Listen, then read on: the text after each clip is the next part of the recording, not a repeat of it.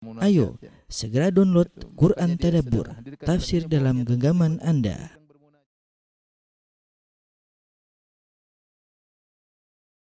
Bismillahirrahmanirrahim. Assalamualaikum warahmatullahi wabarakatuh. Alhamdulillahi ala ihsanih wa syukru lahu ala taufiqihi wa amtinanih wa asyhadu an la ilaha illallah wahdahu la syarika lahu ta'ziman li sya'nih wa asyhadu anna Muhammadan abduhu wa rasuluhu da'ila ridwanih. Allahumma salli alaihi wa ala alihi wa ashabi wa ikhwanih. Hadirin dan hadirat yang dirahmati oleh Allah Subhanahu wa taala. Alhamdulillah puji dan syukur kita panjatkan kepada Allah atas segala karunia yang Allah berikan kepada kita. Salawat dan salam semoga tercurahkan selalu kepada junjungan kita Nabi Muhammad sallallahu alaihi wasallam juga kepada keluarganya serta seluruh sahabat beliau tanpa terkecuali. Kita lanjutkan pembahasan kita dari Sirah An-Nabawiyah dan kita masuk pada uh, pembangunan Masjid Kuba. uh, sebagaimana kita jelaskan pada pertemuan lalu, tatkala Nabi sallallahu alaihi wasallam tiba di Madinah, Nabi sallallahu alaihi wasallam tidak langsung menuju ke pusat kota Madinah, tapi Nabi sallallahu alaihi wasallam mampir di daerah uh, selatan kota Madinah yaitu daerah Kuba yang di situ Nabi kemudian berdiam di situ beberapa waktu kemudian untuk membangun Masjid Kuba. Dan Masjid Kuba inilah yang dipuji oleh Allah Subhanahu wa taala dalam Al-Qur'an surat At-Taubah, "La masjidun ussisa 'ala taqwa min awwali yaumin ahaqqu an taquma fih." Sungguh Masjid Kuba itu adalah masjid yang pertama kali dibangun di atas ketakwaan di hari pertama, di hari pertama, min awali yaumin di hari yang pertama, ya. Dan ini uh, menunjukkan tentang keistimewaan Masjid Kuba. Oleh karenanya begitu mulianya Masjid Kuba sampai Nabi SAW setiap hari Sabtu beliau pergi ke Masjid Kuba, ya kana ya'ti Masjid Kuba kulla sabtin masyian aw rakiban. Nabi SAW setiap hari Sabtu beliau pergi ke Masjid Kuba terkadang naik kendaraan, naik tunggangan dan terkadang beliau berjalan kaki. Oleh karena kata para ulama dua-duanya sunnah. Kalau kita di Madinah kita pergi ke Masjid Kuba naik kendaraan atau jalan kaki ya. E, kalau rata-rata jemaah haji, jemaah umrah biasanya naik bis ya. Tapi sesekali jalan kaki boleh, bagus ya. Ya, kalau tahu jalan, saya sudah beberapa kali ke sana jalan kaki. Kalau jalan kaki dari Masjid Nabawi ke Masjid Kuba, kira-kira 40 menit ya. 40 menit insya Allah lewat jalan-jalan tembus nggak terlalu jauh. Tapi kalau antum mungkin dua jam karena kesasar sana sini. kesasar. Tapi sekitar gitu, sekitar 40 40 menit. Disebutkan karena Nabi Shallallahu Alaihi Wasallam hari Sabtu beliau ke sana sengaja hari Sabtu untuk mengecek para sahabat yang mereka di sana. Nabi ingin nyambung tali ukhuwah. Nabi ke sana ngecek bagaimana kondisi mereka. Dan jelas Masjid Kuba ini punya kenangan di hati Nabi Shallallahu Alaihi Wasallam karena dia masjid yang pertama dalam sejarah Islam. Masjid yang pertama dalam sejarah Islam itu Masjid Kuba. Dibangun sebelum Masjid Nabawi. Ya. Uh, dan Nabi SAW mengabarkan tentang keutamaan Masjid Kuba. Kata Nabi SAW, Man tatahara fi baitihi thumma ata Kuba'a fasalla fihi salatan kana ka'adli al-umrah. Kata Nabi SAW, barang siapa yang bersuci di rumahnya, kemudian dia pergi ke Masjid Kuba dan solat di sana suatu solat, ya, maka seperti pahala umrah. Ulama menjelaskan solat sini solat apa pun, kalau ke Masjid Kuba mau sholat sunnah, mau sholat wajib, ya selama sholat itu disyariatkan, maka seorang kalau sholat di sana, dia bersuci di rumahnya, kemudian sampai sana dia sholat, maka dia mendapatkan pahala umrah. Dan ini ganjaran yang sangat agung. Dan seorang kalau sampai di sana boleh dia sholat dua rakaat, boleh dia sholat empat rakaat, atau dia sholat fardu. Pokoknya kalau dia sholat di sana, dia dapat pahala seperti pahala uh, umrah. Al-Hakim dalam Al-Mustadrak uh, meriwayatkan ya dengan sanad yang sahih dari Sa'ad bin Abi Waqqas radhiyallahu anhu. Beliau berkata, "La an usalliya li an usalliya fi masjid Quba'in rak'ataini ahabbu ilayya min an atiya baital maqdis marratain. Walau ya'lamuna ma fi Quba la tarabu ilaihi ibil. Kata Sa'ad bin Abi Waqqas radhiyallahu anhu, sungguh aku salat di Masjid Kuba dua rakaat saja lebih aku sukai daripada aku mendatangi Masjidil Aqsa dua kali. Seandainya mereka mengetahui tentang keutamaan Masjid Kuba, mereka akan bersafar menuju ke Masjid Kuba. Ini uh, perkataan Sa'ad bin Abi Waqqas yang menunjukkan keutamaan salat di Masjid Kuba. Setelah Nabi SAW membangun Masjid Kuba, tentunya kata para ulama ini menunjukkan konsentrasi Nabi penuh tentang masjid. Karena masjid adalah pusat kegiatan Islam. Masjid dahulu bukan cuma buat salat aja ya. Para sahabat kumpul di sana, rapat di sana, kegiatan uh, dakwah di sana ya. Ada masalah uh, kemasyarakatan mereka kemasyarakatan mereka diskusi, diskusikan di masjid. Ya, pendidikan mulai dari masjid dan itu adalah markas Islam. Ya, oleh karenanya yang pertama kali dibangun oleh Nabi SAW adalah masjid. Nabi belum bangun yang lain. Yang pertama yang penting masjid dibangun dulu. Setelah Nabi selesai bangun masjid, kemudian Nabi SAW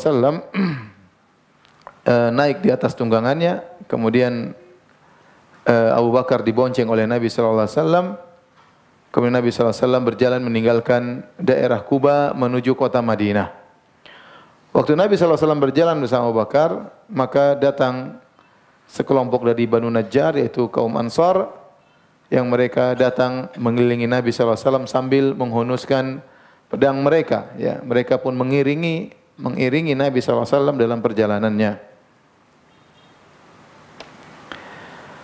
Kemudian di tengah perjalanan, waktu Nabi SAW meninggalkan Kuba hari Jumat.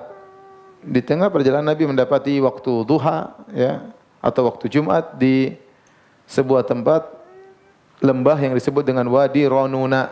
Wadi Ronuna, lembah Ronuna. Kemudian Nabi SAW pun sholat Jumat di situ sekitar bersama sekitar 100 orang para sahabat. Dan beliau masih menghadap Baitul Maqdis karena selama Nabi di Madinah, awal datang ke kota Madinah, kiblat belum ke Ka'bah, masih di Baitul Maqdis. Maka Nabi pun sholat Jumat uh, di sana. Yang sekarang tempat tersebut dibangun masjid namanya Masjid Al-Jum'ah. Masjid Al-Jum'ah. Lokasi dari Kuba menuju Masjid Al-Jum'ah sekitar 900 meter. 900 meter. Sekarang sudah dibuat masjid bersejarah dinamakan dengan Masjid Al-Jum'ah. Itulah lokasi di mana Nabi pertama kali sholat Jumat di kota Madinah bersama sekitar 100 orang eh, sahabat.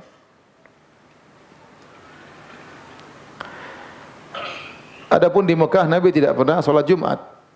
Karena dan itu Jumat pertama kali Nabi kerjakan. Ya.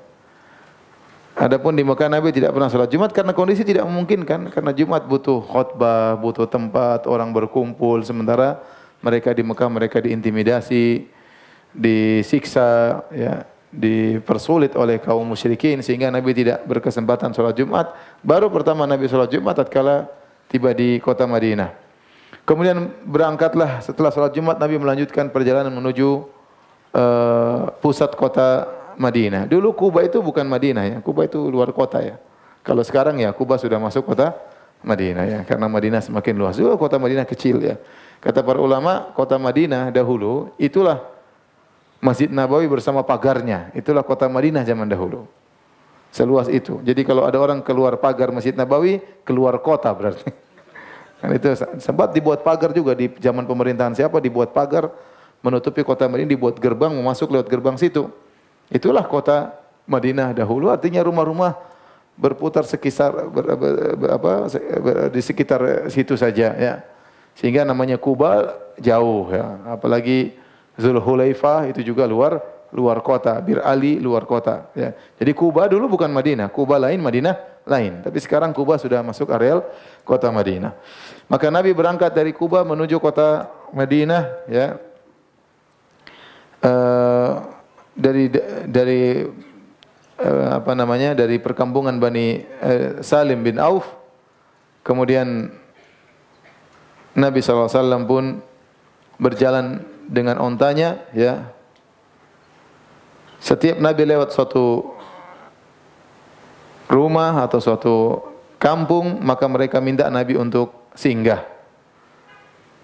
Tatkala Nabi sallallahu alaihi wasallam melewati suatu tempat, dia bertemu dengan beberapa orang, kemudian mereka berkata, "Ya Rasulullah, akim indana fil adadi wal uddati wal mana'ah." Ya Rasulullah, mampirlah, singgahlah di tempat kami, ya. E, menginap di tempat kami, sungguhnya kami jumlah kami banyak dan kami punya kekuatan, ya. Aman kalau bersama kami, ya. Kata Nabi sallallahu alaihi "Khallu sabilaha fa innaha ma'murah." Biarkan ontaku berjalan. Sungguhnya dia sedang diperintah. Jangan ditahan. Fakhallu fakhallau sabilaha. Akhirnya mereka biarkan onta Nabi jalan. Nabi onta Nabi jalan terus sampai tatkala onta Nabi dan para nabi dan sebagian sahabat melewati rumah Bani Bayadah yaitu kampung lagi eh, kelurahan yang lain misalnya gitu. Sampai lewat situ Nabi dicegat oleh Ziyad bin Labid radhiyallahu anhu dan juga Farwah bin Amr bersama beberapa orang kampung Bani Bayadah. Kemudian mereka berkata, "Ya Rasulullah, halumma ilaina." Wahai Rasulullah, mampirlah mampirlah tempat kami ya. Kami jumlahnya banyak, kami juga akan membela engkau ya. Nabi hanya berkata, "Khallu sabilaha fa innaha ma'murah." Biarkan ontaku berjalan. Dia sedang diperintah ya. Gak enak juga kalau mampir sini nanti sana enggak mampir enggak enak. Nabi jalan terus. Fakhallau sabilaha. Mereka biarkan ontanya berjalan. Fantalaqat. Ontanya jalan lagi. Sampai mereka tiba di perkampungan Bani Sa'idah. Maka dicegat oleh Sa'ad bin Ubadah. Wal Munzir bin Amr. Beberapa orang dari Bani Sa'idah. Mereka berkata sama, Ya Rasulullah, halumma ilaina ilal adat wal uddati wal mana'ah. Ya Rasulullah, mampirlah di tempat kami. Ya singgah di tempat kami. Sudah kami jumlahnya banyak. Kami punya kekuatan, kami akan melindungimu. Faqala Rasulullah SAW jawab dengan jawaban yang sama, "Khallu sabilaha fa innaha ma'mura." Biarkan ontaku jalan. Sungguhnya dia sedang diperintah oleh Allah Subhanahu wa taala. Jangan hentikan dia. Fantalaqat. Jalan lagi terus. Sampai Rasulullah SAW masuk di kota Madinah. Fi jawin mashunin bil farah orang-orang menyambut kedatangan Nabi dengan penuh kegembiraan ya dan ini adalah sejarah yang luar biasa. Maka terdengar suara takbir, suara tahmid, di jalan-jalan, di rumah-rumah, di lorong-lorong, semua para sahabat bergembira dengan kedatangan Nabi sallallahu alaihi wasallam. Imam Ahmad meriwayatkan dari Anas bin Malik radhiyallahu anhu, dia masih kecil Anas bin Malik, dia berkata, "Inilah asafil gilman yaqulun, aku sedang bersama anak-anak kecil, anak-anak muda dan mereka berkata, "Ja'a Muhammad." Muhammad datang, Muhammad datang. Fa'as maka aku berusaha fala ara syai'an aku lihat-lihat enggak ada orang. Semua yaqulun mereka berkata lagi, "Ja'a Muhammad." Muhammad sudah datang. Fa'asa fala ara syai'an aku pun cari-cari enggak dapat juga mana Muhammad. Qala hatta ja'a Rasul sallallahu alaihi wasallam wa sahibu Abu Bakrin. Ya. Fakamanna fi ba'dhi hiraril uh, Madinah ya. Thumma ba'atha rajulan min ahli badiyah liyu'dhina bihi bihim al-ansar. Maka kami Tiba-tiba datang Nabi dan Abu Bakar dan kami berada, sedang berada di suatu tempat, kami bersembunyi, ngelihat-lihat, oh kelihatan Nabi Shallallahu Alaihi Wasallam bersama Abu Bakar. Maka kemudian uh, Rasulullah SAW dan Abu Bakar mengutus seorang untuk mengumumkan kepada kaum Ansar bahwasanya Nabi sudah datang. Maka datanglah para sahabat, ya sekitar 500 orang mereka menyambut kedatangan Nabi dan Abu Bakar radhiyallahu taala anhu. Sambil mereka berkata, "Intaliqu aminin muta'in." Ya. Silakan jalan wahai Nabi dan Abu Bakar, kalian datang dalam kondisi aman dan akan ditaati. Uh, Orang-orang begitu ramai menyambut Nabi Shallallahu Alaihi Wasallam sampai gadis-gadis yang biasanya dipingit dalam rumah juga keluar, pingin lihat, pingin lihat siapa Nabi Shallallahu Alaihi Wasallam. Mereka berkata, Ayuhumhu, mana yang Muhammad? Mana yang Muhammad? Mereka sampai keluar-keluar di rumah-rumah ya. Ya, ingin tahu Nabi sallallahu alaihi wasallam. Kata Al-Bara bin Azib, "Fama ra'aitu ahlal Madinati farihu bi syai'in farahum bi Rasulillah sallallahu alaihi wasallam." Aku tidak pernah melihat penduduk kota penduduk kota Madinah gembira sebagaimana gembira mereka tatkala mereka menyambut kedatangan Rasulullah sallallahu alaihi wasallam. Sampai orang-orang berkata, Qadima Rasulullah SAW, Rasulullah SAW telah datang. Maka para lelaki, para wanita sampai naik di atas atap-atap rumah ingin lihat Nabi. Ya. Anak-anak, pembantu-pembantu, semua tersebar di jalan-jalan. Semuanya berteriak, Ya Muhammad, Ya Rasulullah, Ya Muhammad, Ya Rasulullah. Gembira karena kedatangan Nabi Sallallahu Alaihi Wasallam. Anas bin Malik berkata, "Lamma kana al-yawm alladhi dakhala Rasulullah sallallahu alaihi wasallam fil Madinah, adha'a minha kullu syai. Tatkala Nabi pertama kali masuk di kota Madinah, maka seluruh perkara di kota Madinah terasa terang benderang. Anas berkata juga, "Fama ra'aitu yawman qad anwara wala ahsana min yawmin dakhala Rasulullah sallallahu Abu Bakar al-Madinah." Aku tidak pernah mendapati suatu hari yang begitu bercahaya dan begitu indah seperti hari pertama kali Nabi dan Abu Bakar masuk dalam kota Madinah. Kemudian Nabi SAW setiap melewati rumah dari kaum Ansar di kota Madinah, semuanya memegang tali kekang onta Nabi SAW. Kemudian mereka berkata, Ya Rasulullah mampir, mampir. Rasulullah berkata, Khallu sabilaha fa innaha ma'mura. Biarkan ontaku jalan. Sungguhnya dia sedang diperintahkan. Enggak ada mampir-mampir. Kemudian Rasulullah SAW terus jalan dengan ontanya. Sampai Rasulullah SAW tiba di rumah dari Bani Malik ibn Najjar tempat dibangunnya Masjid Nabawi. Jadi yang memilih lokasi dibangunnya masjid itu onta atas perintah siapa? Allah. Bukan bukan Nabi yang milih. Yang milih Allah. Tetapi melalui onta tersebut. Tiba-tiba onta tersebut berhenti di lokasi tempat Masjid Nabawi akan dibangun. Dia pun duduk di situ. Dan Nabi belum turun. Dia duduk sebentar, kemudian dia bangun lagi. Bangkit lagi onta tersebut, wasarat qalilan. Kemudian dia jalan maju lagi. Setelah dia jalan, kemudian dia tengok kanan, tengok kiri, dia balik lagi. Kemudian nderem lagi di tempat yang tadi, ya. Maka di situlah tempat dibangun Masjid Nabawi tatkala dia sudah di situ ya dan itu lokasi tempat mirbat litamar yaitu tempat pengeringan korma kalau mereka uh, panen korma mereka keringkan supaya korma tersebut mungkin lebih baik ya. Ternyata tempat tersebut adalah milik dua anak yatim dari Bani Malik bin Najjar dan mereka sedang dirawat atau di, dipelihara oleh As'ad bin Zurarah. Tatkala unta tersebut menderam, sudah menderam kemudian kepalanya dia tundukkan berarti selesai dia enggak akan bangun lagi ya. Maka Nabi pun turun dari ontanya ya. Persis di depannya ada rumah rumahnya Abu Ayyub Al-Ansari radhiyallahu anhu. Maka Nabi berkata, Hada insya'allahul manzil. Insyaallah di sinilah tempat untuk tinggal. Ya, dan ini tentunya seperti saya katakan tadi bahwasanya onta tersebut berjalan menuju tempat tadi atas petunjuk Allah Subhanahu wa taala makanya dia mengatakan khallu sabilaha fa innaha ma'mura. Biarkan dia berjalan itu perintah Allah Subhanahu wa taala. Kemudian Nabi SAW berkata dalam sebagian riwayat anzilu ala bani najjar akhwali Abdul Muttalib ukrimuhum bidzalik. Rupanya Nabi di tempat bangun Masjid Nabawi itu di kampungnya Bani Najjar. Bani Najjar ini siapa? Bani Najjar ini adalah keluarga ibunya Abdul Muttalib. Ibunya Abdul Muttalib. Jadi kan Nabi Nabi namanya Muhammad bin Abdullah bin Abdul Muttalib bin Hashim. Kenapa? Karena Hashim itu sebagaimana kita pernah jelaskan di awal pengajian. Hashim dia tinggal di Mekah dan dia suka berdagang ke uh, Syam. Suatu hari dia pergi ke negeri Syam, dia mampir dulu di kota Madinah sebelum pergi ke negeri Syam.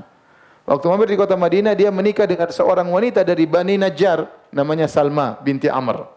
Maka dia menikah dengan wanita tersebut, kemudian dia berdagang ke negeri Syam, akhirnya meninggal di sana. Akhirnya meninggal di sana. Ternyata waktu dia meninggal, istrinya hamil. Maka lahirlah seorang anak namanya Syaibah. Kakeknya Nabi SAW, Syaibah.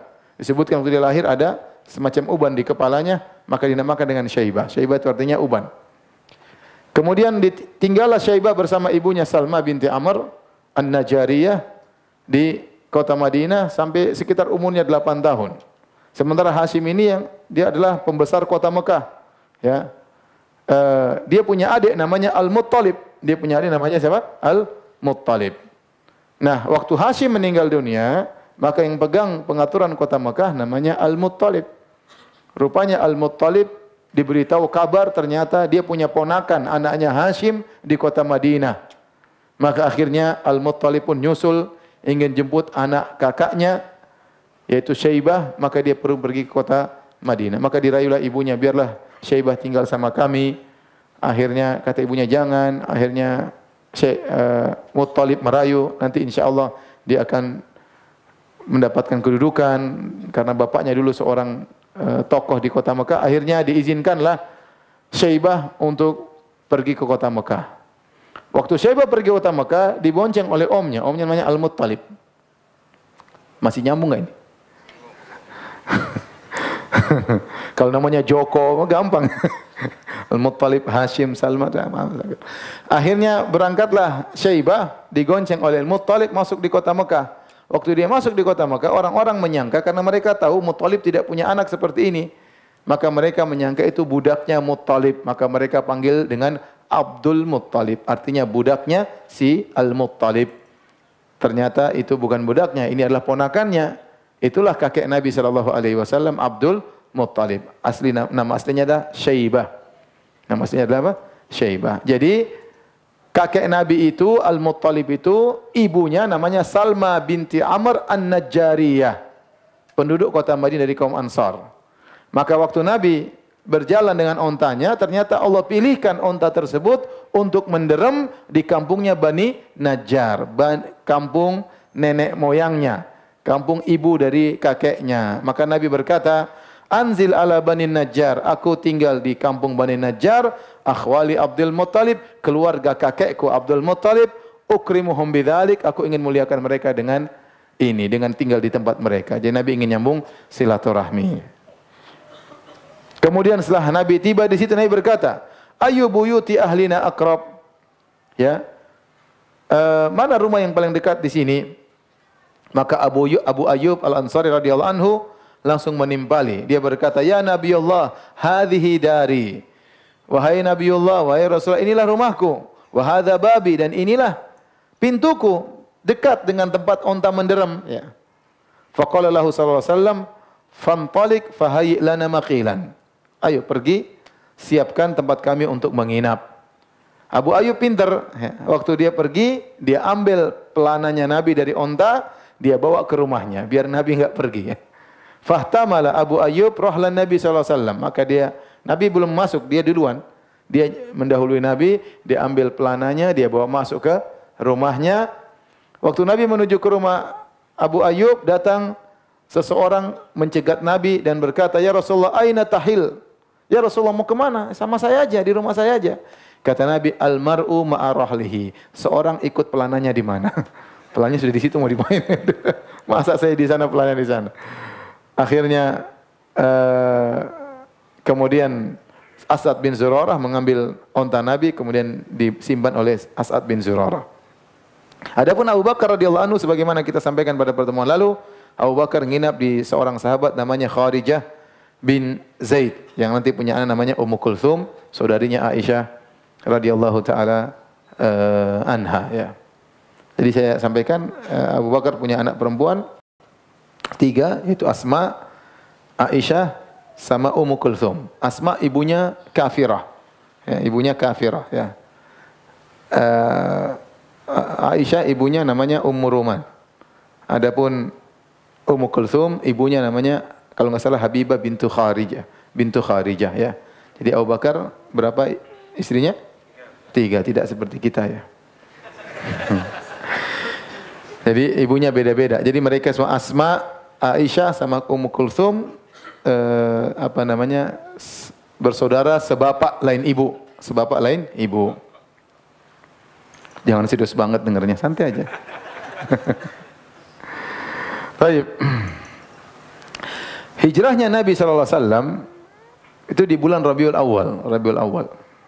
Dan ini adalah kejadian yang sangat berharga dalam Islam, kejadian yang sangat penting dalam Islam. Oleh karenanya Eh, para sahabat menjadikan hijrahnya Nabi sebagai tahun penanggalan. Tahun penanggalan.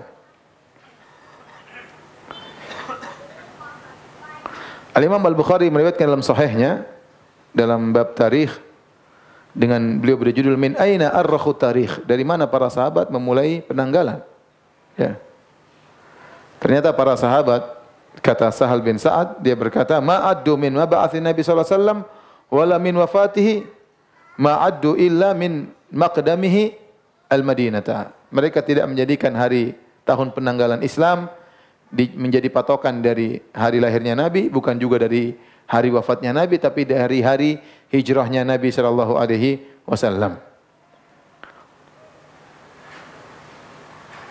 Demikian juga ya dalam riwayat ya Umar bin Khattab radhiyallahu anhu mengumpulkan para sahabat untuk menentukan tanggalan. Bagaimana kisahnya Umar menentukan tanggalan? Al Hafidz Ibnu Katsir meriwayatkan dalam Al Bidayah wa Nihayah pada tahun sekitar sekitar 16 Hijriah atau 17 Hijriah atau 18 Hijriah di zaman kekhalifahan Umar Ibn Khattab radhiyallahu taala anhu terjadi suatu kejadian yaitu ada seorang mengeluh kepada Nabi wasallam mengeluhkan sambil membawa sak semacam bukti ya semacam bukti surat bukti ya ada orang yang harusnya bayar utang belum bayar-bayar Padahal sudah tertulis dalam surat tersebut, dia harus bayar bulan Sya'ban. Sudah jatuh tempo di bulan Sya'ban dan sekarang sudah lewat, tapi dia belum bayar-bayar. Maka dia mengadu kepada Umar bin Khattab radhiyallahu taala anhu. Maka Umar bertanya, ini dalam surat ini, dalam surat perjanjian ini, Sya'ban yang mana dia harus bayar? Apakah Sya'ban bulan ini, tahun ini, ataukah Sya'ban tahun yang lalu? atau Sya'ban tahun depan, enggak ada tahunnya, cuma ada bulan apa?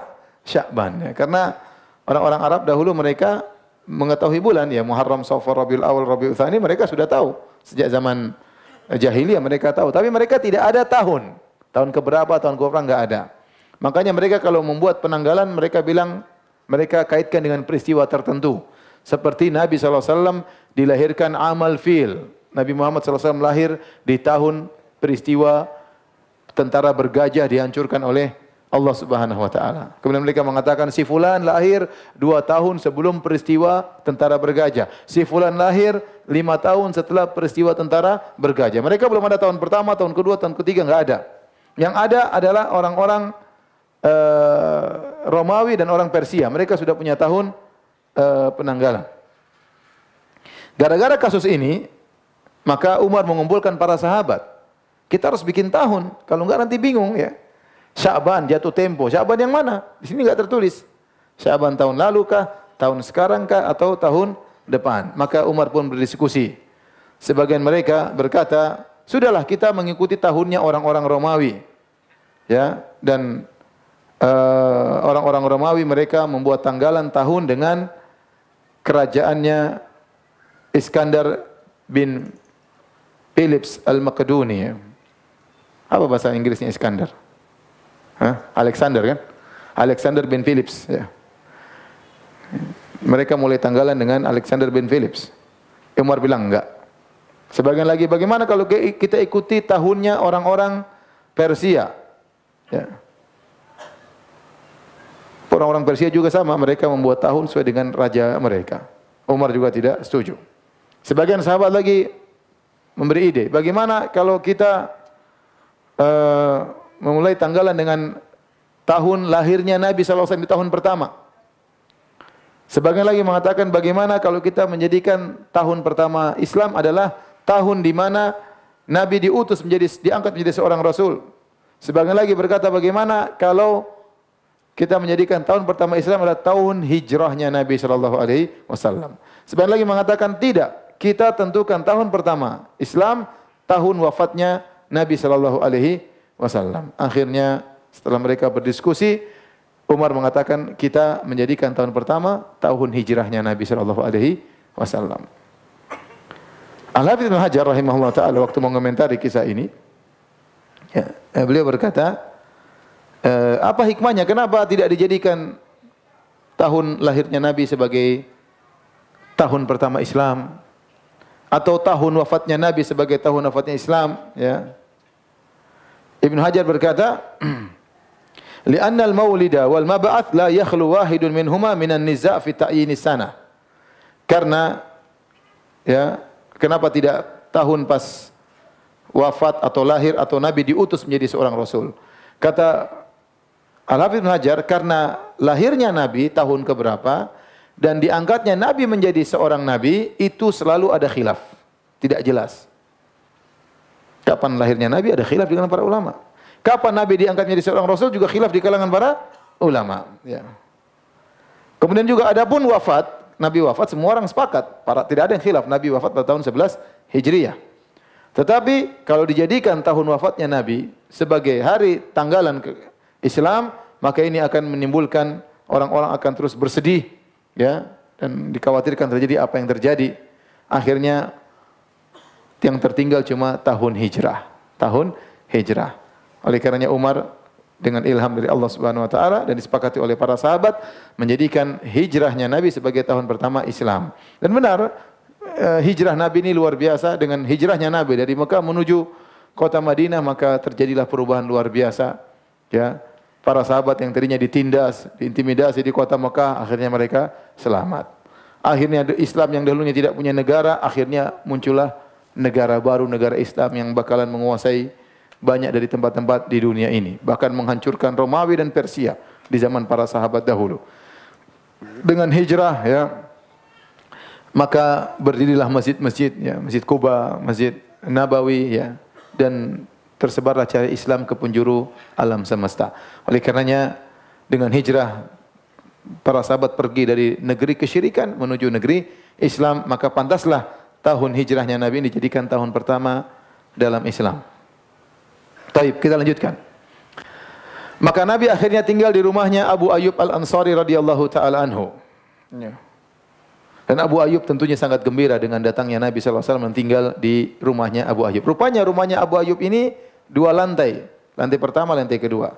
Nah, Nabi sallallahu alaihi wasallam tinggal di bawah, Abu Ayyub di atas sama istrinya. Abu Ayyub di atas sama istrinya. Itu rumah sederhana tapi dua dua lantai, ya. Kemudian lama kelamaan mereka merasa tidak enak. Jadi Nabi tinggal di sini sebulan. Mungkin hari pertama, oke hari kedua, tapi hari berikutnya mereka masa, merasa enggak enak. Masa kita tiap hari lewat di atas kepala Nabi sallallahu alaihi wasallam. Mereka merasa enggak enak. Masa kita berjalan di atas kepala Nabi sallallahu alaihi wasallam? Akhirnya mereka bagaimana supaya enggak jalan di atas kepala Nabi? Mereka hanya tinggal di pojok-pojokan rumah.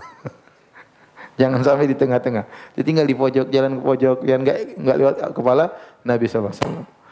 Akhirnya mereka pun malam itu tidak bisa tidur, renungkan gimana ini kita masa di atas kepala Nabi. Akhirnya mereka pun tatkala pagi hari mereka sampaikan kepada Nabi. Kata mereka, "Ya Nabi Allah," kata Abu Ayyub, "Wahai Rasulullah, ya. Inilah akrahu wa u'zim an akuna fawqak." Sungguh saya merasa benci dan saya merasa berat kalau saya harus berada di atasmu. Wa takuna tahti kau di bawahku. Fakun anta fil ulwi wa nanzilu nahnu Fisufli. Ya Rasulullah bagaimana kalau mulai hari ini anda di atas kami yang di bawah? Nabi mengatakan sallallahu alaihi wasallam, "Ya Abu Ayyub, as-suflu arfaqu bina wa biman yakshahna." Ya Abu Ayyub, di bawah lebih enak. Lagi pula kalau ada tamu tidak repot. Ketemu saya di bawah suruh naik susah sudah, di bawah aja. Akhirnya Abu Ayyub, udahlah, akhirnya Nabi tetap di bawah. Kata Abu Ayyub, "Wa kunna fawqahu fil maskan." Kami terus tinggal di atas. Sampai suatu hari ada bejana tempat air milik kami pecah. Maka airnya pun tumpah. Nah, mereka takut air tersebut netes dari atas kena Nabi sallallahu alaihi wasallam. Maka kata Abu Ayyub, "Faqumtu ana wa ummu Ayyub bi qatifatin lana." Malana li hafun ghairuha. Kami pun mengambil selimut milik kami dan kami tidak punya selimut kecuali itu saja. Kami apa untuk agar air tidak tumpah ke bawah kami ambilin. Ya kami untuk mengeringkan lantai di atas. Khawatir air menetes sampai kena Nabi sallallahu alaihi wasallam. Akhirnya setelah kejadian itu, kata Abu Ayyub, aku pun turun menemui Nabi sallallahu alaihi wasallam. Aku berkata, "La a'lu saqifatan anta tahtaha." Aku tidak mungkin ya Rasulullah. Tidak mungkin saya tinggal di atas suatu atap yang di bawahnya ada dirimu. Rasulullah bilang, enggak, saya di bawah aja. Abu Ayyub, enggak ya Rasulullah, harus. terus Abu Ayyub terus ngerayu Nabi sallallahu alaihi wasallam, ya, dan terus minta ya Rasulullah kamu di atas saja. Akhirnya Rasulullah SAW pun mengalah ya. Menghormati sahibul bait. Akhirnya Rasulullah SAW naik di di atas. Dan Abu Ayyub pun di bawah. Kata Abu Ayyub, "Wa kunna nasna'u lin Nabi alaihi wasallam al-asya." Kami masakan Nabi makan malam, thumma nab'ath bihi ilail. Terus kami kirim makanan tersebut kepada Nabi wasallam. Fa idza radda alaina fadlahu tayammamtu ana wa ummu Ayyub mawdi asabihi. Nabi dikasih kirim banyak, nanti Nabi mungkin ambil separuh.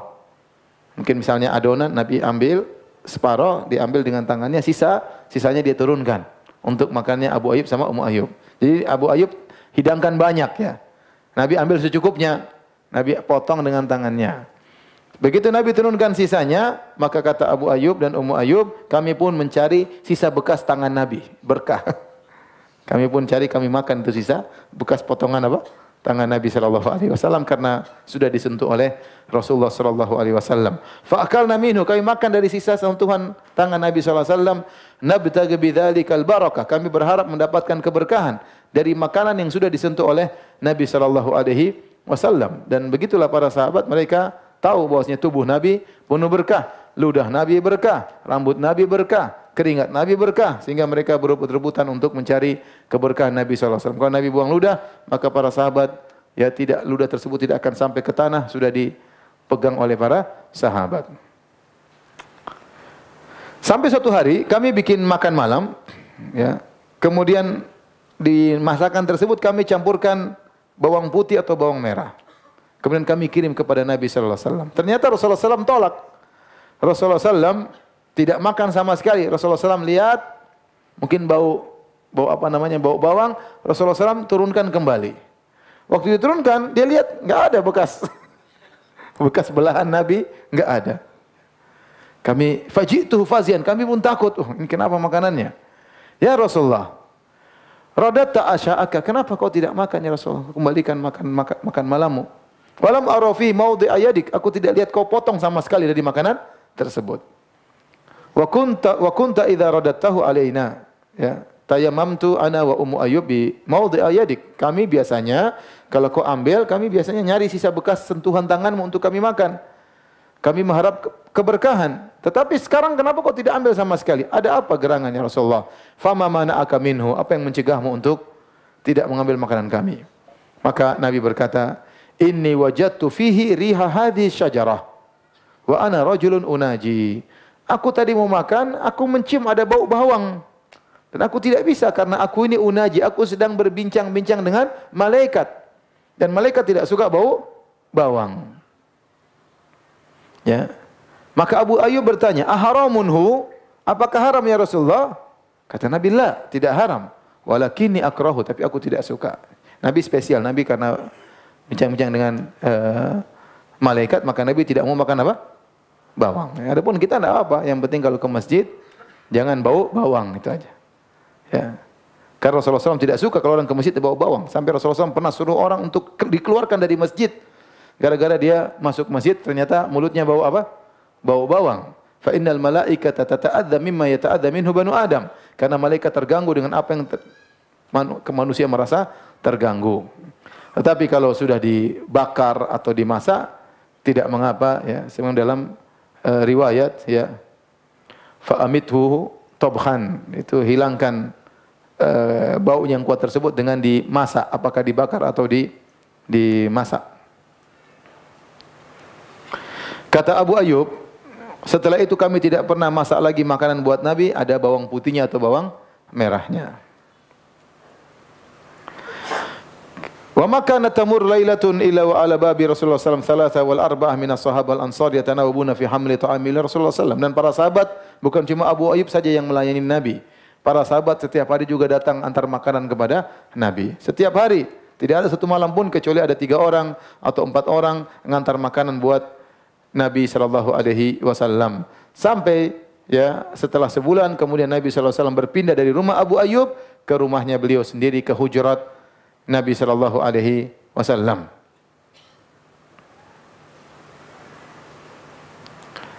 Hadirin dan hadirat yang dirahmati Allah Subhanahu wa taala, uh, berlalu hari-hari ya, Nabi wasallam sudah meninggal ya. Kemudian Ibnu Abbas sudah besar, Ibnu Abbas sampai di masa pemerintahan Ali bin Abi Thalib. Ibnu Abbas ya di Basrah diangkat menjadi seorang gubernur di Basrah. Ali yang menunjuk Ibnu Abbas. Ibnu Abbas adalah uh, Ahlul Bait. Jadi Ahlul Bait itu siapa? Ahlul Bait itu semua dari keturunan Bani Hashim, semuanya Ahlul Bait. Di antaranya zuriyatun Nabi wasallam, di antaranya Alu Abbas, anak-anak keturunan Abbas bin Abdul Muttalib semuanya Ahlul Ahlul Bait. Oleh karena saya di Madinah saya punya kawan-kawan, ada yang Ahlul Bait dari keturunan Nabi SAW, ada yang dari Zuriyatul Husain, ada yang dari Zuriyat Al-Hasan, dari keturunan Al-Hasan bin Ali bin Abi Thalib. Dan ada juga saya punya teman Ahlul Bait dari keturunan Abbas bin Abdul Muttalib. Mereka juga Ahlul Ahlul Bait. Keturunan Abbas. Di antara Ahlul Bait adalah Ibnu Abbas. Ibnu Abbas adalah sepupu Nabi sallallahu alaihi wasallam dan dia sahabat junior. Ya.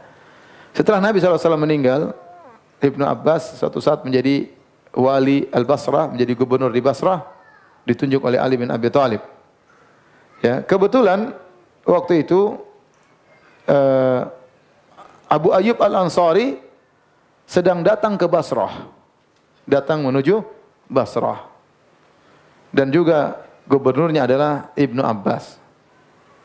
Maka Ibnu Abbas mendapati kedatangan Abu Ayyub Al-Ansari sebagai kesempatan besar untuk dia membalas kebaikan Abu Ayyub yang pernah melayani Nabi sallallahu alaihi wasallam. Tatkala Abu Ayyub datang ke Basrah, ya maka Ibnu Abbas pun tahu dia pun mengosongkan rumahnya. Farraga lahu baitahu diriwayatkan oleh Al-Hakim dalam Mustadrak yang sangat ha-, yang hasan ya dari eh, Habib bin Abi Thabit anna Abu Ayyub Al-Ansari qadima ala Ibnu Abbas al-Basrata fafarraga lahu baitahu. Tatkala Abu Ayyub datang ke Basrah, maka Ibnu Abbas mengosongkan rumahnya untuk untuk siapa? Abu Ayyub karena Nabi pernah tinggal di rumahnya Abu Ayyub. Kemudian dia berkata kepada Abu Ayyub Ibnu Abbas, "La asna anna bika kama sonata bi Rasulillah sallallahu alaihi wasallam. Aku akan memperlakukan engkau wahai Abu Ayyub sebagaimana pernah kau perlakukan Nabi Muhammad sallallahu alaihi wasallam. Suruh tinggal di rumahnya, dikosongkan, dilayani. Kemudian kata Ibnu Abbas, Kam alaika minad dain? Utangmu berapa wahai Abu Ayyub? Sahabat punya utang ya. Kata Abu Ayyub, Ishruna alfan. Saya punya utang 20 ribu dinar atau dirham. Banyak itu ya. 20 ribu dinar atau dirham. Maka Ibnu Abbas, fa'atau arba'ina alfan. Ibnu Abbas kasih. Bukan cuma 20 ribu. Kasih 40 ribu. Hmm. Kemudian dikasih isrina mamlukan, dikasih 20 budak. Ini ambil duit 40 ribu. Kalau dinar, dinar itu mahal. Dinar satu dinar itu 4 seperempat gram emas sekarang. Satu dinar itu 4 seperempat gram emas. Seandainya 20 ribu dinar, ini jumlah yang banyak. Dikasih 40 ribu dinar, dikasih 20 orang budak. Ya. Kemudian dia berkata, Laka ma fil bait. Semua yang dalam rumah ini punyamu. Kenapa dia ingat bagaimana jasanya Abu Ayub kepada Nabi sallallahu alaihi wasallam. Abu Ayyub tidak pernah mulai Nabi minta balasan, tidak. Tetapi demikianlah ada keluarga Nabi, kerabat Nabi Ibnu Abbas yang tahu bagaimana membalas jasa seorang yang mulia seperti Abu Ayyub Al-Ansari radhiyallahu taala anhu. Dan itulah yang disampaikan oleh Nabi sallallahu alaihi wasallam. Wa man sana'a ilaikum ma'rufan fakafi'uhu. Barang siapa yang melakukan kebaikan kepadamu maka balaslah. Kita harus balas budi. Orang yang baik tahu balas budi, ya. Kalau ada orang berbuat sama kita, kita balas dengan sebagaimana yang dia lakukan kepada kita. Fa illam tajidu ma tukafi'unahu, kalau kalian tidak mendapati yang bisa membalas kebaikannya, fad'u lahu, maka seringlah doakan dia. Hatta tarau annakum qad kafatumuhu, sampai kalian merasa kalian sudah cukup membalas kebaikan mereka dengan doa yang banyak yang memang pantas untuk dia dapatkan. Jadi kalau ada orang, misalnya ada orang memberi kita hadiah, kalau kita selevel ya, ya sama-sama kaya atau sama-sama sedang atau sama-sama miskin, ya kita kasih sebagaimana dia kasih sama kita. Boleh kasih ayam kita juga kasih ayam. Kalau kasih ayam kita kasih kambing boleh lah ya. Uh, tapi kalau ada orang misalnya pejabat atau orang kaya, dia tidak butuh harta. Ya mungkin dia butuh hadiah yang lain sekedarnya menunjukkan kita menghargai pemberiannya atau kita doakan dia dalam salat kita, dalam sujud kita sampai kita merasa bahwasanya kita sudah cukup berbuat baik kepada dia dengan doa tersebut. Kalau kita masih merasa belum cukup, terus doakan dia. Terus doakan, doakan dia. Karena kebaikan harus dibalas dengan kebaikan. Islam melarang kita melupakan kebaikan orang orang lain. Ya. Islam melarang kita melupakan kebaikan orang lain. Makanya dalam hadis kata Nabi sallallahu alaihi wasallam, la yashkurillah man lam yashkurin nas. Tidaklah seorang dikatakan bersyukur kepada Allah kalau tidak tahu bersyukur kepada orang lain. Jadi kalau orang lain berbuat baik sama kita, kita lupakan ya. Mentang-mentang sekarang kita sudah berada, kita sudah kaya, teman lama kita buang semua, tidak pernah kita cuekin. Ini tidak benar namanya. Kita tidak tahu membalas kebaikan orang. Bisa jadi teman kita yang dulu ya, yang kita dalam kesulitan dia bantu kita, ya. Terus kita lupakan begitu karena dapat teman-teman baru misalnya, itu tidak boleh. Itu namanya tidak tahu berterima kasih kepada kepada Allah. La yashkurillah man la yashkurin nas. Tidaklah bersyukur kepada Allah orang yang tidak tahu berterima kasih kepada manusia. Kalau kita tidak bisa balas dengan harta karena kita enggak punya harta atau karena orang tersebut tidak butuh harta seperti dia pejabat atau orang kaya, maka doa yang terbaik adalah apa? Doa. Makanya kata Nabi sallallahu alaihi wasallam, "Fa illam ma tukafi'unahu." Kalau kau tidak mampu membalas kebaikan dia, fad'u lahu. Doakan dia. Doakan dia. Jangan pelit ya. Pelit sudah pelit dengan harta, pelit lagi dengan apa? Dengan doa. Orang tersebut tidak butuh dengan harta, dia butuh dengan doa. Taib. Hadirin dan hadirat yang Subhanahu wa taala. Tatkala Nabi sementara tinggal di rumahnya Abu Ayyub Al-Ansari radhiyallahu anhu, ya. Maka Nabi mengirim Zaid bin Harithah. Zaid bin Harithah dan Abu Rafi' Zaid bin Haritha kita tahu ya dia Zaid bin Haritha adalah uh, budaknya Nabi yang dibebaskan oleh Nabi. Tadinya adalah seorang budak dibeli oleh Hakim bin Hizam di pasar ponakannya Khadijah. Kemudian budak tersebut dihadiahkan kepada bibinya Khadijah. Kemudian Khadijah menghadiahkan Zaid bin Haritha kepada Nabi. Zaid bin Haritha ini akhirnya diangkat menjadi anak angkat Nabi sallallahu alaihi wasallam. Ya. Karena Nabi tidak punya anak laki-laki, Nabi sangat sayang kepada dia. Hibbu Rasulillah, orang yang sangat dicintai oleh Nabi. Tinggal di rumah Nabi sampai dia dijuluki dengan Zaid bin Muhammad. Dahulu orang manggilnya Zaid bin Muhammad sampai akhirnya Allah larang ud'uhum li abaihim ya huwa aqas huwa aqsatu indallah ya. Itu lebih baik. Maka uh, setelah itu tidak boleh lagi panggil Zaid bin Muhammad tetapi dinisbahkan kepada bapaknya Zaid bin Al Harithah. Tapi dia adalah orang sangat dicintai oleh Nabi wasallam. Dia punya anak namanya Usama bin Zaid. Itu juga sangat dicintai oleh Nabi. Maka dijuluki Hibbu Hubbi Rasulullah. Itu anak dari kesayangan dari kesayangannya Nabi. Dia juga sangat disayang sama Nabi. Bapaknya juga sangat disayang oleh Nabi sallallahu alaihi wasallam. Nabi utus dua orang Zaid bin Harith dan Abu Rafi. Ini juga budaknya Nabi sallallahu alaihi wasallam diutus ke Mekah untuk jemput keluarga Nabi karena keluarga Nabi belum datang. Nabi sudah hijrah masih tinggal perempuan-perempuan di kota Mekah. Ya. Dibekali dengan dua onta dan juga 500 dirham untuk mendatangkan keluarga Nabi sallallahu alaihi wasallam. Maka akhirnya Zaid bin Harithah dan Abu Rafi membawa Fatimah radhiyallahu taala anha. Ali sudah nyusul di luar, Fatimah belum.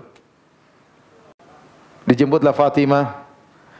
Ah, belum ya, mereka belum menikah sepertinya, belum menikah ya. Ali di luar, Fatimah belakangan. Ummu Kulthum radhiyallahu anha putri Nabi sallallahu alaihi wasallam. Kemudian Saudah binti Zam'ah istrinya Nabi sallallahu alaihi wasallam. Nabi sudah menikah dengan siapa? Saudah. Kemudian Ummu Aiman yaitu hadinat Rasulullah SAW dulu pernah uh, mengayomi Nabi SAW dan dia adalah istrinya Zaid bin Harithah. Kemudian anaknya Usamah bin Zaid. Ya. Adapun uh, putri Nabi Zainab Waktu mau diajak ke kota Madinah, maka Zainab tidak mau. Kenapa? Bukan dia tidak mau, tapi dia dilarang oleh suaminya. Suaminya itu yaitu Abdul As bin Rabi masih musyrik. Masih apa? Musyrik. Ya. Adapun Ruqayyah putri Nabi SAW sudah diluan berangkat ke kota Madinah bersama Uthman bin Affan suaminya radhiyallahu taala anhum ajma'in. Ya, maka akhirnya keluarga Nabi pun pun datang. Demikian juga Abu Bakar As-Siddiq suruh mengambil keluarganya, maka datanglah Ummu Ruman, istrinya Abu Bakar, ibunya Aisyah. Kemudian Aisyah dan Asma radhiyallahu taala anhuma, kemudian mereka pun datang tinggal bersama Abu Bakar di kota Madinah. Tatkala hijrah, lahirlah seorang sahabat mulia namanya Abdullah bin Zubair. Abdullah bin Zubair, anaknya Asma bintu Abu Bakar. Ya, tadi sudah saya bilang Asma bintu Abu Bakar saudari sebapaknya siapa? Aisyah. Abu Bakar ini anak perempuannya ada berapa? Tiga. Asma, Aisyah dan Ummu Kulthum. Asma binti Abu Bakar menikah dengan Zubair bin Awam. Zubair bin Awam ya, ya juga kerabat dengan Nabi sallallahu alaihi wasallam. Anaknya bibinya Nabi sallallahu alaihi Zubair bin Awam. Dari Zubair bin Awam menikah dengan Asma binti Abu Bakar punya anak dua. Terkenal dalam hadis-hadis. Yang pertama Abdullah bin Zubair, dia seorang sahabat lahir di tahun pertama hijrahnya Nabi sallallahu alaihi wasallam. Dan ada lagi anaknya kedua namanya Urwah bin Zubair. Sering juga meriwayatkan hadis dari Aisyah radhiyallahu anha dan Urwah bin Zubair ini tabi'in karena dia tidak menemui Nabi sallallahu alaihi wasallam. Abdullah bin Zubair sahabat. Ketika Asma sampai di kota Madinah ya dalam kondisi hamil tiba di kota Madinah kemudian lahir dia melahirkan anaknya Abdullah bin Zubair. Waktu Abdullah bin Zubair lahir, maka ibunya Asma datang membawa putranya Abdullah bin Zubair kepada Nabi sallallahu alaihi wasallam agar ditahnik oleh Nabi sallallahu alaihi wasallam. Maka Nabi pun mengambil korma dan itu kebiasaan uh, para sahabat kalau mereka punya anak dibawa langsung ke Nabi sallallahu alaihi wasallam. Maka Nabi pun menggigit korma, melumat-lumat korma, kemudian Nabi pun ambil korma tersebut, dia masukkan ke dalam mulut Abdullah bin Zubair, dimasukkan, dan itu yang pertama kali masuk dalam mulut Abdullah bin Zubair, korma bersama air liur Nabi Shallallahu Alaihi wasallam. Dan itu kebiasaan para sahabat dan Nabi namakan anak tersebut dengan Abdullah sambil didoakan keberkahan. Nah khilaf di kalangan para ulama, apakah tahnik ini berlaku hanya khusus kepada Nabi ataukah kepada para sahabat yang lain? Dua pendapat, sebenarnya berpendapat ini hanya khusus Nabi sallallahu alaihi wasallam karena para sahabat tidak membawakan kepada sahabat-sahabat yang lain. Kalau mereka punya anak, mereka tidak bawa kepada Abu Bakar, kepada Umar, tapi mereka hanya bawa kepada Nabi karena Nabi memang spesial, air liurnya apa?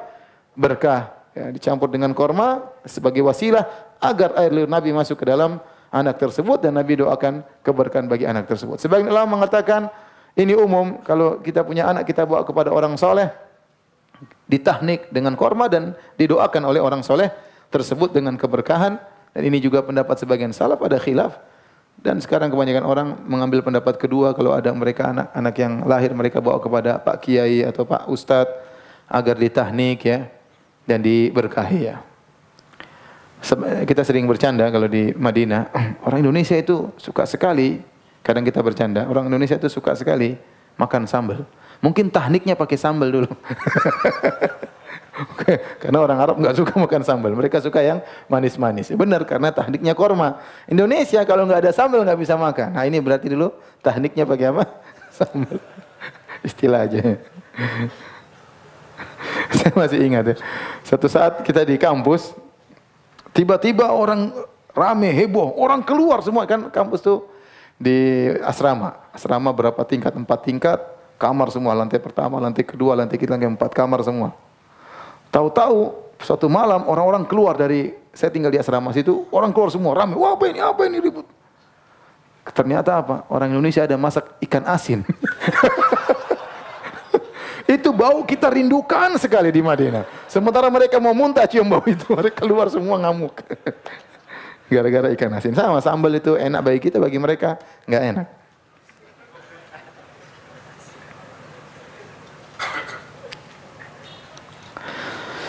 Tapi hadirin,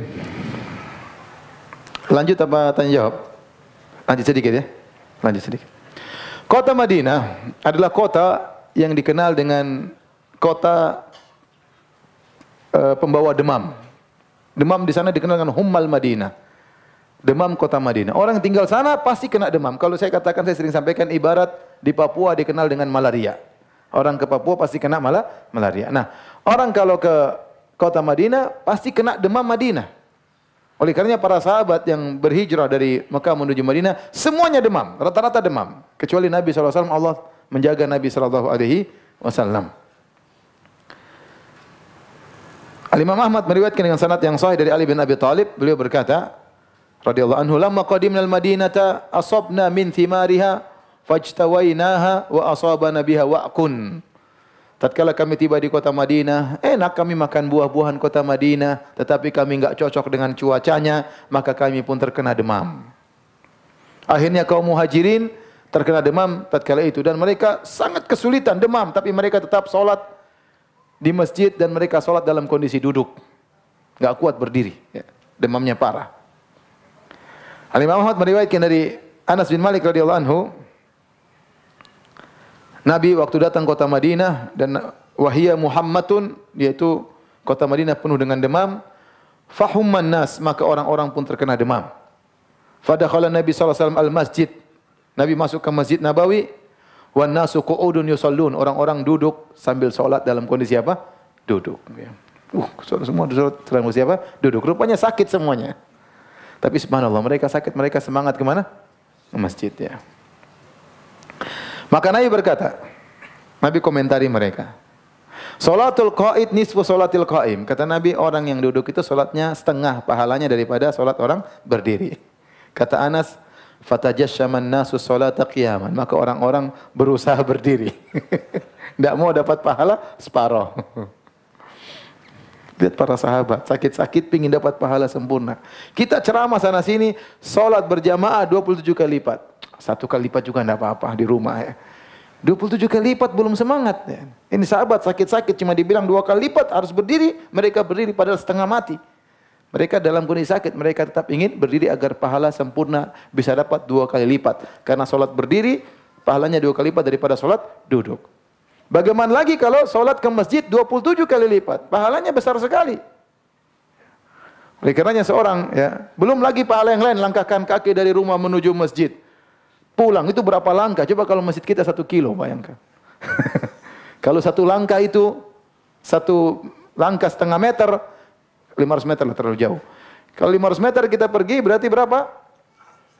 1000 langkah. Bolak-balik 2000 langkah. Berarti ada 2000 derajat dinaikkan, 2000 dosa dihilangkan. Sampai di sana solatnya 27 kali lipat. Ya. Maksudnya apa? Kalau anda solat isya di masjid dibandingkan dengan solat isya di rumah, di rumah cuma dapat pahala 4 rakaat. Tapi kalau anda solat di masjid 4 kali 27. Berapa itu? Hitunglah berapa coba. 100 berapa? 4 kali. Hitung aja bisa dihitung kok. 80 tambah 28. 108 Kali lipat, bayangkan. Kalau dikali setahun, coba bayangkan. Ini selalu sholat isya di rumah terus. Ini sholat isya di masjid terus, bayangkan. Jauh sekali. 108 kali 365 hari, oh, sudah luar biasa. Ya. Tapi begitulah kita kadang kurang semangat, malas-malasan. Tapi kalau dunia kita begitu, semangat. Seandainya kalau di masjid diumumkan, siapa yang sholat di masjid dapat 20, 27 ekor kambing, orang pasti semangat ke masjid. Seandainya di tarbiyah dibilang, siapa yang sholat di tarbiyah, dapat kambing 27 ekor, pasti masjid sudah rame. Rame kambing. Jadi sahabat itu dia bilang sholat di apa namanya dengan berdiri dua kali lipat maka mereka pun semangat untuk berdiri. Dan rata-rata orang sakit ya. Sampai keluarga Abu Bakar sakit semua. Al-Imam Ahmad meriwayatkan dengan sanad yang sahih dari Aisyah beliau berkata, "Lamma qadima Rasulullah sallallahu Madinah ishtaka ashabuhu." Tatkala Nabi datang ke Madinah, sahabat-sahabat pada sakit. Washtaka Abu Bakar, Abu Bakar juga demam. Amir bin Fuhairah, Maula Abu Bakar, budaknya Abu Bakar, Amir bin Fuhairah juga demam. Bilal juga demam. Fasta'dhanat Aisyah radhiyallahu anha Rasulullah SAW fi iyadatim. Aisyah minta izin, ya Rasulullah saya ingin kunjungi kerabat-kerabat saya. Fa'adhina laha. Maka Nabi izinkan. Maka ah, Aisyah bertemu dengan bapaknya. Abu Bakar lagi demam. Aisyah bertanya, "Kaifa tajudik tajiduka?" Wahai ayahanda, bagaimana kau dapat dirimu? Bagaimana kondisimu? Abu Bakar berkata, "Kullu mri'in musabbahun fi ahlihi wal mautu wal mautu adna min syiraki na'lihi." Ya artinya ya setiap orang bisa jadi meninggal dunia di keluarganya di pagi hari. Dan sungguhnya kematian itu sangat dekat kepada seorang daripada tali sendalnya sendiri. Artinya Abu Bakar merasa bakalan apa? Meninggal dunia. Saking sakitnya itu, dia bilang setiap orang sekarang ini bisa jadi pagi hari sudah meninggal di rumahnya. Dan kematian lebih dekat kepada seorang daripada tali sendalnya. Aisyah bertanya lagi kepada Amir bin Fuhairah, budak bapaknya, bagaimana kondisimu? Kata dia, inni wajadtul mauta qabla dzauqihi. Aku sudah merasakan kematian sebelum merasakan kematian. Artinya sudah merasa, jadi demamnya ini parah. Orang kena malaria kan, aduh kayaknya saya tewas sudah. Jadi memang demamnya parah. Dialami oleh para sahabat. Sampai akhirnya Rasulullah sallallahu alaihi wasallam karena para sahabat banyak yang sakit, akhirnya Nabi sallallahu alaihi wasallam berdoa kepada Allah agar memindahkan demam wabah dari kota Madinah ke tempat lain. Maka Nabi berdoa, Allahumma habib ilaina al-madinata ka hubbina makkata au asyad. Ya Allah, jadikanlah kami cinta kepada kota Madinah sebagaimana kami cinta kepada kota Mekah atau lebih berat lagi, besar lagi kecintaan kami kepada kota Madinah. Wa sahihha. Ya Allah, jadikanlah kota Madinah kota yang sehat, tidak ada penyakit-penyakit dan wabah-wabah. Wa barik lana fi sa'iha wa muddiha. Dan berikanlah kami keberkahan dalam soknya dan mudnya. Ya. Artinya makanan di sana berkah. Wangkul hummaha. Pindahkanlah demamnya faja'alha fil juhfah. Pindahkanlah demamnya ke kota Juhfah. Dalam riwayat yang lain, Nabi SAW berkata, setelah Nabi berdoa, Ra'aitu ka'annam ra'atan sauda'a tha'iratan ra'si kharajat minal Madinah. Dalam mimpiku aku melihat ada seorang wanita berkulit hitam, rambutnya berdiri, keluar dari kota Madinah. Hatta qamat bi mahya'ah sampai dia pergi ke Juhfah. Wahyal Juhfah, fa'awaltu anna waba al-Madinah nukila ilaiha. Maka aku tahu, aku tafsirkan bahwasanya wabah di kota Madinah sudah pindah ke kota tersebut. Sekarang sudah enggak ada lagi demam di kota Madinah. Kita pun kepanasan enggak demam, kedinginan pun tidak tidak demam ya. Taib, demikian saja kajian kita. Ya, kalau ada yang bertanya saya persilakan.